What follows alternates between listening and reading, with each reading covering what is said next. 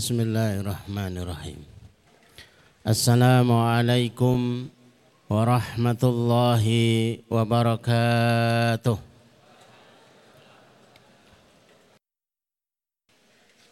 Alhamdulillahi rabbil alamin. Wassalatu wassalamu ala ashrafil anbiya'i wal mursalin. Wa ala alihi wa ashabihi wa man tabi'ahum bi ihsanin ila yaumiddin.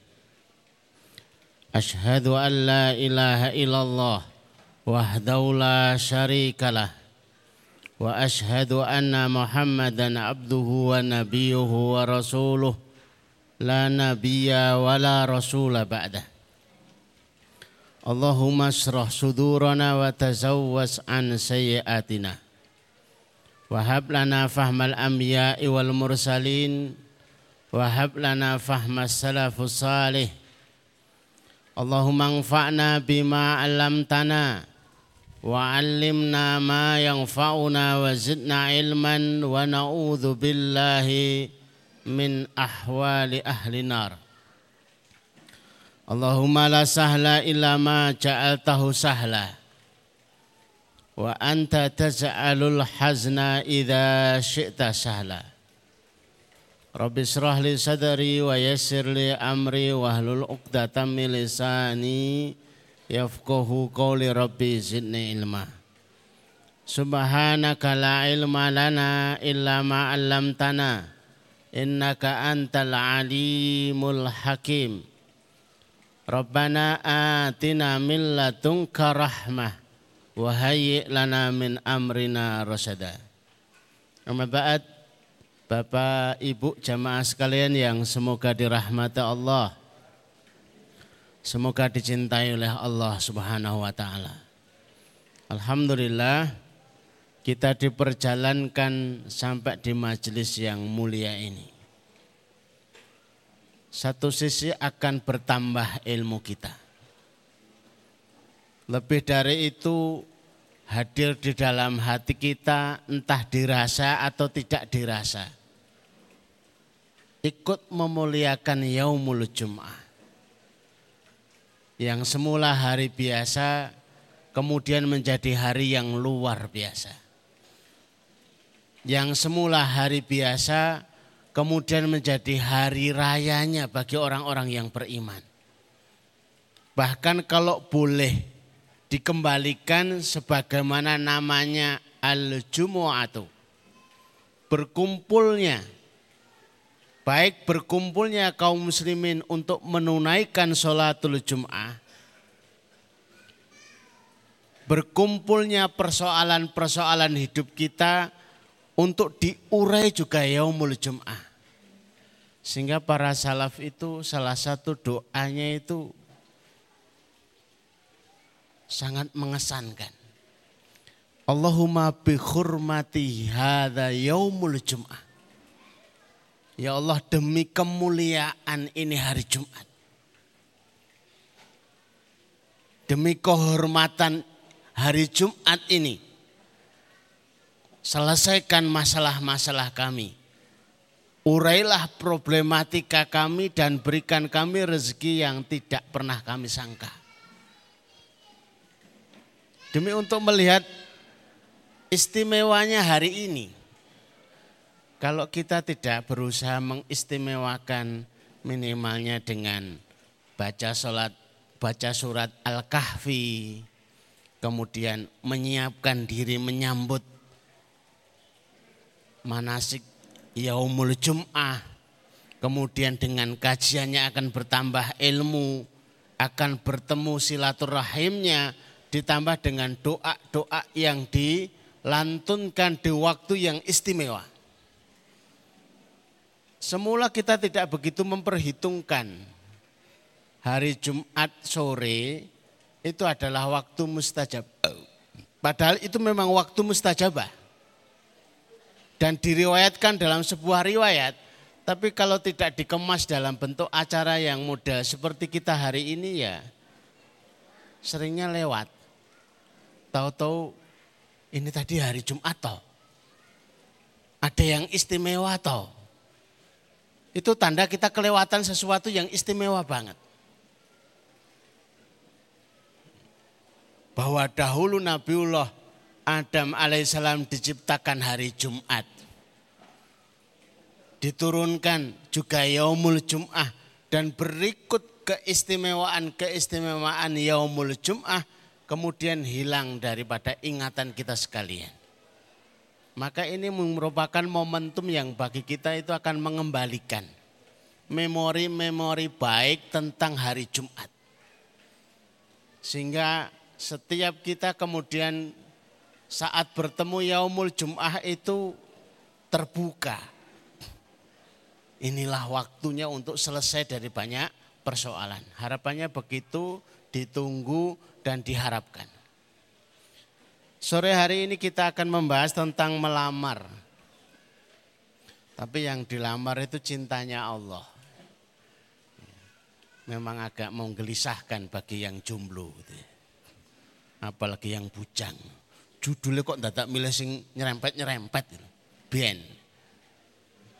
Ya kala-kala memang begini nih modelnya itu. Memang itu soalan rasa yang memang harus ada.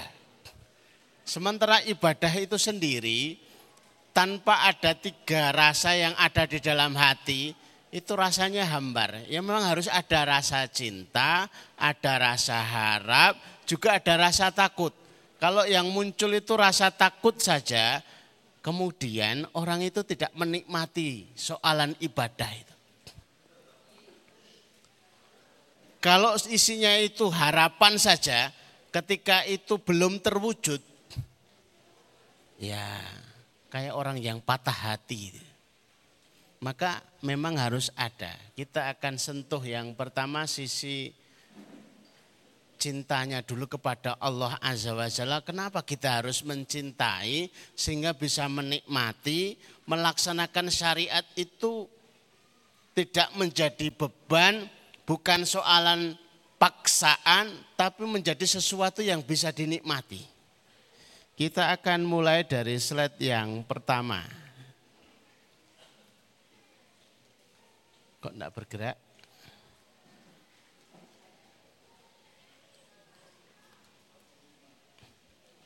Ini awalnya hadis ini ya.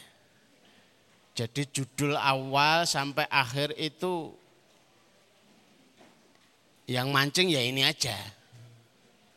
Tertambatnya awalnya dari hadis ini.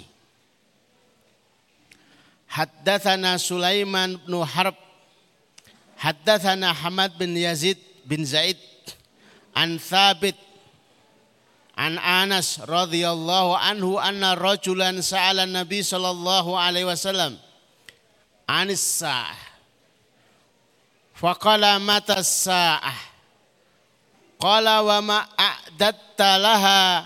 Qala la syai' illa anni uhibbullah wa rasulahu sallallahu alaihi wasallam. Anta ma'aman ahbabta.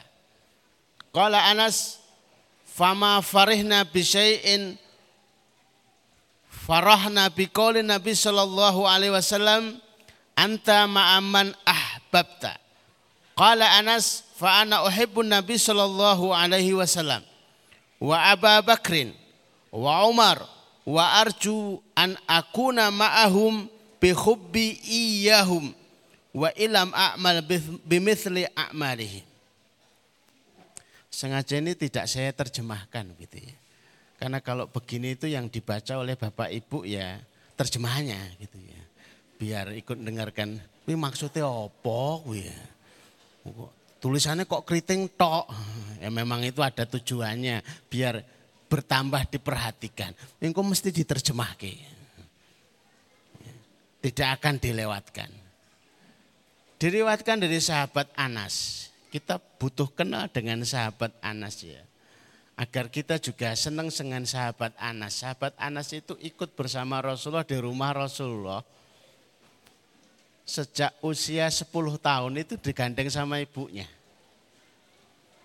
Kalimat itu belum ada yang meniru sampai hari ini. Hatta waktu penerimaan santri baru itu ya belum bisa ditiru oleh para bapak ibu. Karena resikonya berat. saya wakafkan kepada Rasulullah. Biasanya wakaf itu pakai sertifikat. Wakaf itu pakainya itu ya yang 25 ribuan itu. Biasanya wakaf itu barang, tanah, mobil. Ini yang diwakafkan ini anak. Diwakafkan kepada Rasulullah Shallallahu Alaihi Wasallam.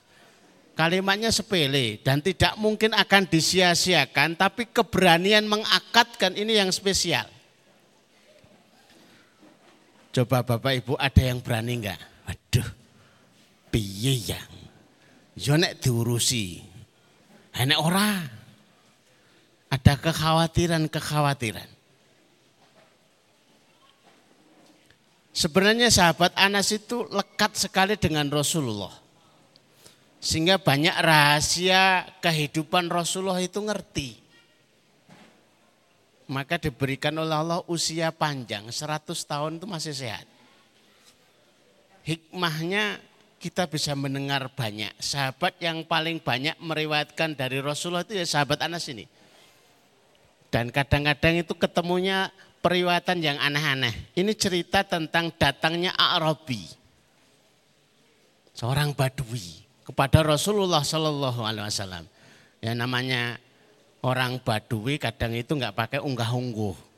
Tapi para sahabat itu seneng. Gara-gara Badui itu banyak sekali ilmu yang didapatkan karena nggak pakai unggah-ungguh. Saat itu Rasulullah di hadapan para sahabatnya bercerita tentang yaumul kiamah. Ya ngomongnya enak aja.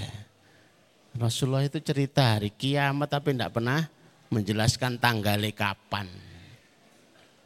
Kan ada kejelasan kalau ada acara walimah kan yo ya jelas.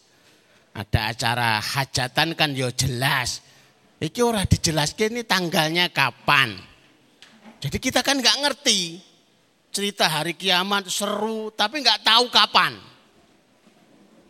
Maka menggerakkan beliau bertanya kepada Rasulullah, ya Rasulullah mata sa'ah. Jangan cerita terus tentang yaumul apa itu yaumul kiamah. Jelasnya hari kiamat itu kapan? Maka kemudian Rasulullah bertanya, Wama a'dattalah. Gayane kok tekok tentang hari kiamat. Lah kok tanya-tanya tentang hari kiamat. Apa yang sudah kamu persiapkan? Kalimat ini sederhana tapi begitu bermakna. Sekiranya Bapak Ibu belum mendengarnya, ini sesuatu yang membuat bahagia dan luar biasa. Alangkah khawatirnya kita. Alangkah takutnya kita. Bertemu dengan pertanggungjawaban dan nasib-nasib kita sekalian. Tapi satu hadis sehingga diceritakan boleh jadi para sahabat dahulu itu berjalan untuk satu hadis itu butuh perjalanan satu bulan. Ada yang menuju ke sini sejak satu bulan yang lalu. Nah, kayaknya nggak ada gitu loh. Umpama perjalanan Magelang, perjalanan yang jauhnya 100 kilo sekalipun kemudian di sini untuk dapat satu hadis saja dan hadis itu sekelas hadis ini itu sudah sangat-sangat mencukupi. Bahasanya cucuk. Mulai teh tok. Kalau cuma dapat teh ya memang nggak cucuk. Tapi kalau dapatnya hadis dan informasi ini dan sahabat Anas berkomentar, saya belum pernah bahagia melebihi bahagianya mendapatkan hadis ini. Karena Rasulullah kemudian ketika bertanya kepada Badui yang bertanya tadi, "Mamada a'dattalaha?" Yang kamu persiapkan apa? Jawabannya ya jujur. Lasai. Tidak ada ya Rasulullah. Kalau dalam riwayat lain ma'adatu bisolatin. Aku tidak menyiapkan dengan sholat tertentu. Tidak menyiapkan dengan ibadah tertentu. Illa inni uhibbullaha wa rasuluhu sallallahu alaihi wasallam. Ini dalam satu riwayat nggih.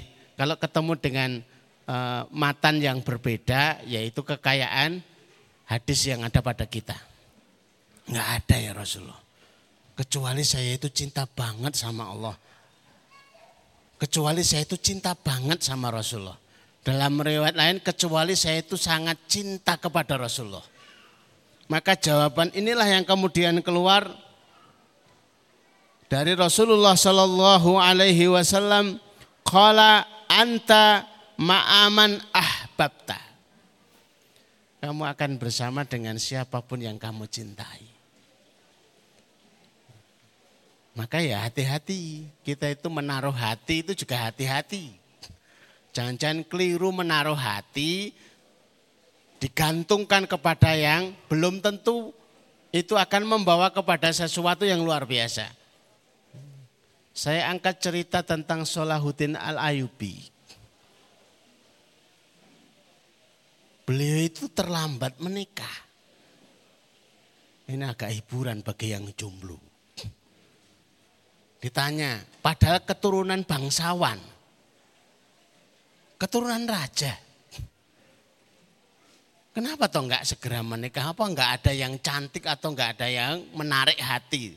Jawabannya itu, saya itu lagi mencari orang yang akan menggandeng tangan saya masuk surga. Dan darinya dapat keturunan yang dengannya itu akan membuka Al-Aqsa. Masjid. Masjidil Aqsa. Dicari betul sampai suatu ketika ada seorang wanita yang dilamar raja sekalipun menolak, dilajar di apa dilamar siapa-siapa menolak. Kemudian bertanya kepada seorang syekh dan jawabannya, saya itu hanya akan menikah dengan orang yang akan menuntun tangan saya masuk ke dalam surga dan melahirkan darinya keturunan yang akan membebaskan Masjidil Aqsa. Begitu bergetar hati Salahuddin mendengar jawaban seorang wanita ini dan serta-merta mengatakan, wahai syekh nikahkan aku dengannya. Itu yang saya cari, tepat. Dan memang sebuah hadis meriwayatkan man talaba man talaba syahadata bisidqin ballaghallahu manazil syuhada wa in mata ala firashih siapa saja yang meminta wafatnya sebagai syuhada Allah akan sampaikan kepada derajat syuhada walaupun meninggalnya itu di atas kasur. Tapi itu kemudian dikiaskan kepada permintaan-permintaan yang lain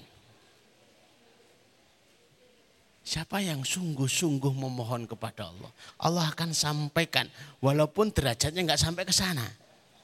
Nah, Khalid bin Walid itu sudah 70 kali di medan peperangan. Di tubuhnya itu ada 70 luka. Tatunya itu luka-luka perang. Lah kok bisa meninggalnya di atas kasur? Kok eman banget gitu loh. Tapi hadis ini menyelesaikan dan menjawab semua yang khawatir, kekhawatiran-kekhawatiran. Sebagaimana sahabat Umar bin Khattab. Negara dalam keadaan Islam, kemudian doanya mudah-mudahan diwafatkan sebagai syuhada. Ya sempat ada yang negur, loh ini dalam kondisi ini wilayah Islam, bagaimana mungkin kamu akan mendapatkan syahada. Sementara perang itu sudah berhenti. Tapi ternyata ditusuk waktu sholat. Ya sudah betul.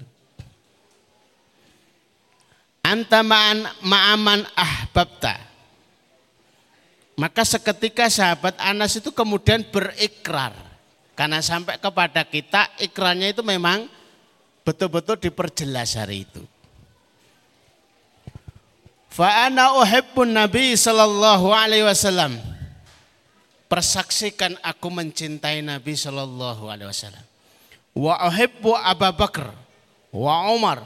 Aku juga cinta sahabat Abu Bakar dan mencintai sahabat Umar bin Khattab. Berharap bahwa akan bersama dengan mereka sekalipun amalku belum sampai pada frekuensi, belum sampai kepada makomnya amal mereka. Hebatnya para sahabat itu kalau dapat ilmu sedikit-sedikit itu langsung di aplikasi gitu loh. Begitu ada antaman ma'aman ahbabta. Ya sudah, ikrarkan diri masing-masing. Aku mencintai Rasulullah Sallallahu Alaihi Wasallam. Kecintaan kepada Rasulullah itu lebih dari cukup untuk mengusir segala kegalauan-kegalauan kita. Terserah mau diapa ke ya Allah. Yang penting saya itu cinta Rasul. Saya itu suka sama Rasulullah Sallallahu Alaihi Wasallam. Dan saya mendengar anta ma'aman ahbabta. Kamu akan dibersamakan dengan orang yang kamu cintai. Walaupun derajatnya belum sampai ke sana. Allahu Akbar. Di samping itu bahwa kecintaan kepada Rasulullah itu akan menyampaikan dan kecintaan kepada Allah itu akan menjadi sebuah jaminan. Hadis yang lain juga menjelaskan untuk menyempurnakan pemahaman kita. Jaminan cinta itu adalah ma'iyah, kebersamaan. Bukankah kita ini mengeluh merasa berdoa kok enggak dijawab-jawab. Punya harapan kok terlunta-lunta Ya inilah jawabannya. Barangkali makyatullahnya itu kurang. Dibersamai Allah itu kurang. Hadis kursi ini menjelaskan kepada kita bagaimana mendapatkan cinta dan apa yang difasilitasi dengan mendapatkan cinta itu. Wama takarraba ilayya abdi bisyai'in ahbu ilayya mimma iftaratu alaih. Hadis kursi langsung dari Allah Azza wa Jalla. Cuma redaksinya dari Rasulullah Sallallahu Alaihi Wasallam. Tidak ada cara mendekat kepadaku. Yang lebih aku sukai cara mendekatnya. Alasannya ini aku tak silaturahim. Tak keruban ilallah. Aku tak baca Quran. Tak keruban ilallah. Aku tak sodakoh. Tak keruban ilallah ini dijawab. Tidak ada cara mendekat kepada Allah yang lebih disukai oleh Allah dalam pengakuan Allah sendiri. Melebihi yang Allah fardukan. Jadi kita perhatikan sholat tahajudnya iya. Rawatibnya iya. Duhanya iya. Tapi yang paling-paling kita perhatikan itu adalah sholat lima waktunya. Maka ibu-ibu ya jangan menunda kalau sudah ada panggilan. Hayya alas salah. Bapak-bapak jangan melambatkan kalau sudah dipanggil. Itu istimewa. Karena pernah kami sampaikan dua rakaat subuh. Itu jauh lebih baik. Kalau pembedanya kurang dirasa oleh bapak-bapak, jauh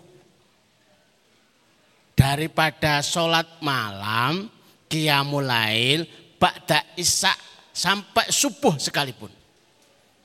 Kenapa? Karena yang sunnah tidak akan pernah menandingi yang wajib. Begitu pula zakat. Sodakohnya, infaknya 2 miliar. Itu sudah membuat takjub ngedap-ngedapi itu tidak akan pernah pahalanya itu menyamai 200 ribu zakat. Maka perhatikan persoalan ini. Walaupun yang diperhatikan itu zakat, itu menyelesaikan persoalan ekonomi. Serumit apa pun. Dan itu sudah pernah terbukti sebelum-sebelum kita. Begitu zakat diperhatikan, diturunkan nisabnya sehingga memungkinkan lebih mudah untuk berzakat, memungkinkan lebih mudah melaksanakan yang wajib. Zakat emas keliling saat bumi Afrika itu tidak ada yang menerima. Itu pada zaman Umar bin Abdul Aziz. Ya Allah, zakat emas. Sementara hari ini zakat beras itu rebutan. Kok bisa semakmur itu? Inilah barokah. Kalau ada barokah itu dibagi, tidak ada barokah yang lebih besar melebihi barokah zakat. Maka Bapak, Ibu yang dirahmati Allah, sebelum kita itu berpikir kemudian sampai berpikirnya lelah, ikhtiarnya lelah, aku tak menyelesaikan hutang-hutang saya. Berpikirnya nomor satu itu saya sudah zakat atau belum? Kalau belum berjuanglah untuk bisa bayar zakat. Besarkan jumlah zakat. Sesuai dengan ukurannya tentunya begitu. Dan itu diperhatikan dengan luar biasa. Karena itu pahalanya berkali lipat. Seseorang itu ingin mendapatkan pahala besar ya dengan ya, amalan yang besar. Ma'idhamil jaza beserta dengan pahala balasan yang besar itu disertai dengan ya amalan yang besar. Kemudian baru ditambah dimaksimalkan yang sunnah-sunnah an-nawafil. Yang wajib disempurnakan, yang sunnah-sunnahnya dikejar. Habis-habisan. Terus ditambah, terus ditambah, terus ditambah. Hatta ohibbahu. Inilah cara untuk mendapatkan dan melamar cinta Allah. Ngaku melamar cintanya Allah tapi tidak rajin untuk mengerjakan yang sunnah setelah menyempurnakan yang wajib. Ngapusi. Ini adalah tangga sarana untuk menjadi waliullah.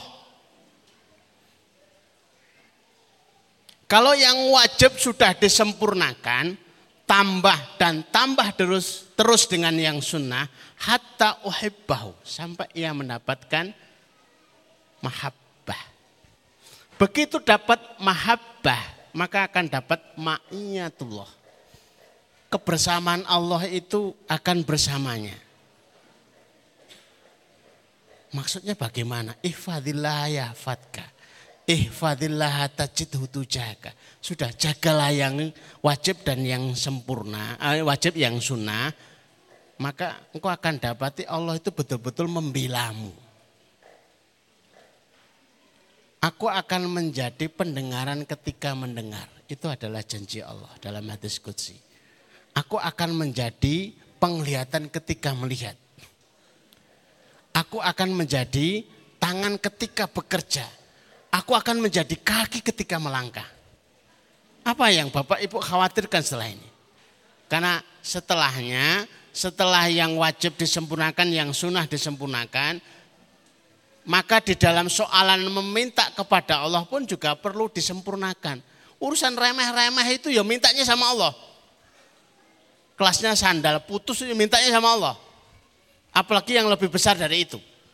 Karena janjinya wa idza sa'alani. Kapan pun dia minta. Apa pun yang diminta. Di mana pun dia itu meminta. Iya.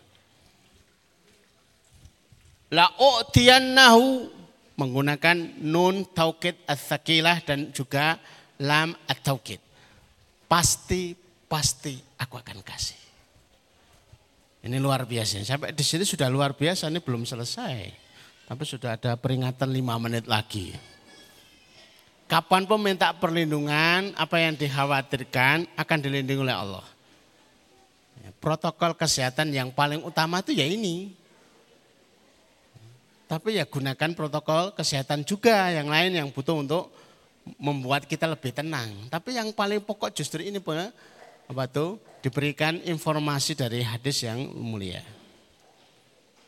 Selanjutnya cara agar dicintainya itu menjadi wali Allah. Berprasangka baik juga begitu. Kadang-kadang amal kita itu kita geber biar bisa mendapatkan kecintaan Allah.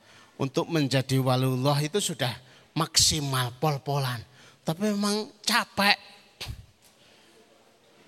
maka hadis dan riwayat ini juga datang dari Badui juga. Alih-alih khawatirnya luar biasa kelak itu akan dihisap oleh Allah.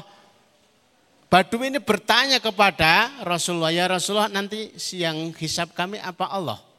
Ya iyalah, kalau gitu beres. Lah kok beres? Karena sepengetahuan kami dan sepengalaman kami, Allah itu baik memori kami, kenangan kami tentang Allah selama ini itu baik. Jadi tidak perlu dikhawatirkan. Kalau ya karena ia berprasangka baik terus ya. Coba kalau yang menghisap itu bapak eh. Kadang-kadang baik, kadang-kadang enggak gitu loh. Ya memang manusia. Kemudian Rasulullah memanggil para sahabatnya, siapa yang ingin melihat calon penghuni surga, lihatlah orang ini. Prasangka baik itu luar biasa dahsyatnya. Salah satu kekuatan pada seorang mukmin.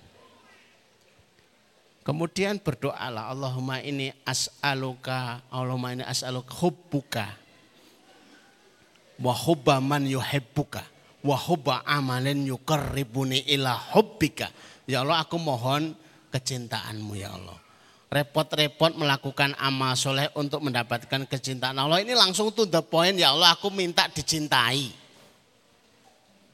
Aku juga minta dicintai orang-orang yang mencintaimu. Aku juga minta mencintai amal-amal yang mengantar kepada kecintaan. Langsung to the point. Kemudian Rasulullah juga menyebutkan ahabul a'mal ilallah. Amalan-amalan yang akan masuk nominasi yang dicintai oleh Allah. Itu adalah jenis amalan-amalan yang didisiplinkan Memang baru dua rakaat duha tapi disiplin. Memang baru dua rakaat tahajud tapi disiplin. Adwa muhawa ingkola yang paling ditekuni. Wa ingkola walaupun yang paling ditekuni itu sedikit. Tapi kan koma. Biasanya kan titik begitu saja. Akhirnya sedikit terus. Kemudian ditingkatkan Awalnya dua rakaat, tambah empat rakaat, tambah enam rakaat. Tapi tidak menghilangkan darinya adalah disiplin itu tadi. Kemudian ada tiga rasa. Rasa cinta di dalam beribadah, juga rasa harap, juga rasa takut. Ya, ya. Kalau cinta itu ternyata paling mudah untuk dipetik itu adalah dengan berdoa. Saat ku berdoa dan sering ku berdoa, tiba-tiba hadir rasa cinta Ibu-ibu kalau cinta sama bapaknya awalnya dari mana? Oh, kawinnya jalur ya itu. Ya. Cinta kepada yang maha kuasa. Kok ada orang yang merasa cinta kepada Allah tapi sedikit berdoa, saya ragu dia itu cinta betul apa enggak. Jangan-jangan hanya pengakuan saja. Saat aku meminta dan sering aku meminta, ku, ku rasakan itu harapan. Kalau enggak pernah ngarep-ngarep, itu tanda panjenengan itu sedikit berdoa. Yang berdoa kepada Allah mesti nunggu. Ngarep-ngarep. Kapan ya rampung? Kapan lunas? Kapan terkabul? Harapan kepada yang maha kaya itu juga sebuah ibadah yang luar biasa. Mahal harganya. Kemudian yang ketiga, panjenengan takut itu rasanya bagaimana? Ternyata ada rasa untuk melatihnya. Kalau takut berdosa dan sering berdosa. Ketika ada rasa takut itu karena sering berdosa. Tiba-tiba muncul rasa takut kepada yang maha perkasa.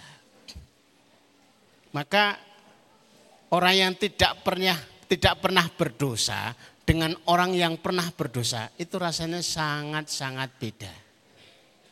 Bukan berarti kita harus berdosa dulu pakai tapi ya syukuri kalau kita pernah berdosa itu. Itu tanda bahwa kita itu punya rasa yang ter, terlatih. Inilah yang menandakan kalau kita itu cinta betul atau tidak. Itu ya ukurannya indikatornya ini. Saya itu sudah cinta atau belum toh. Kul katakan wahai Muhammad kepada umat In kuntum tuhibbunallah.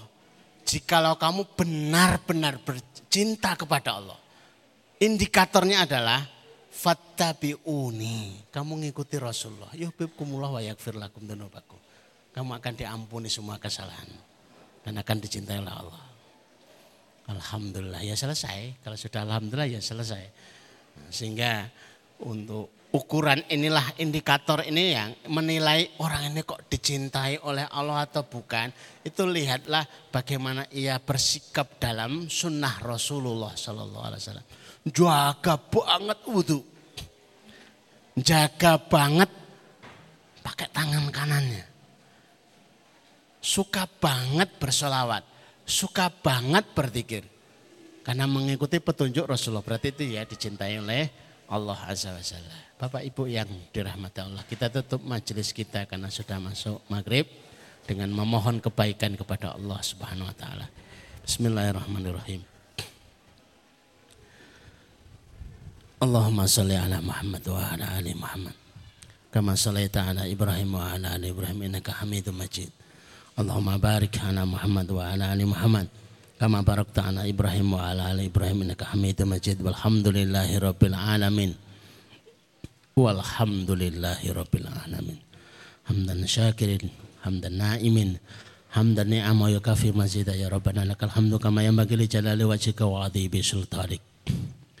La ilaha illa anta subhanaka inni kuntu minadh dhalimin la ilaha illa anta subhanaka inni kuntu minadh dhalimin la ilaha illa anta subhanaka inni kuntu minadh dhalimin Allahumma ya Rahman ya Rahim ya Hayyu ya Qayyum ya Dzal Jalali wal Ikram.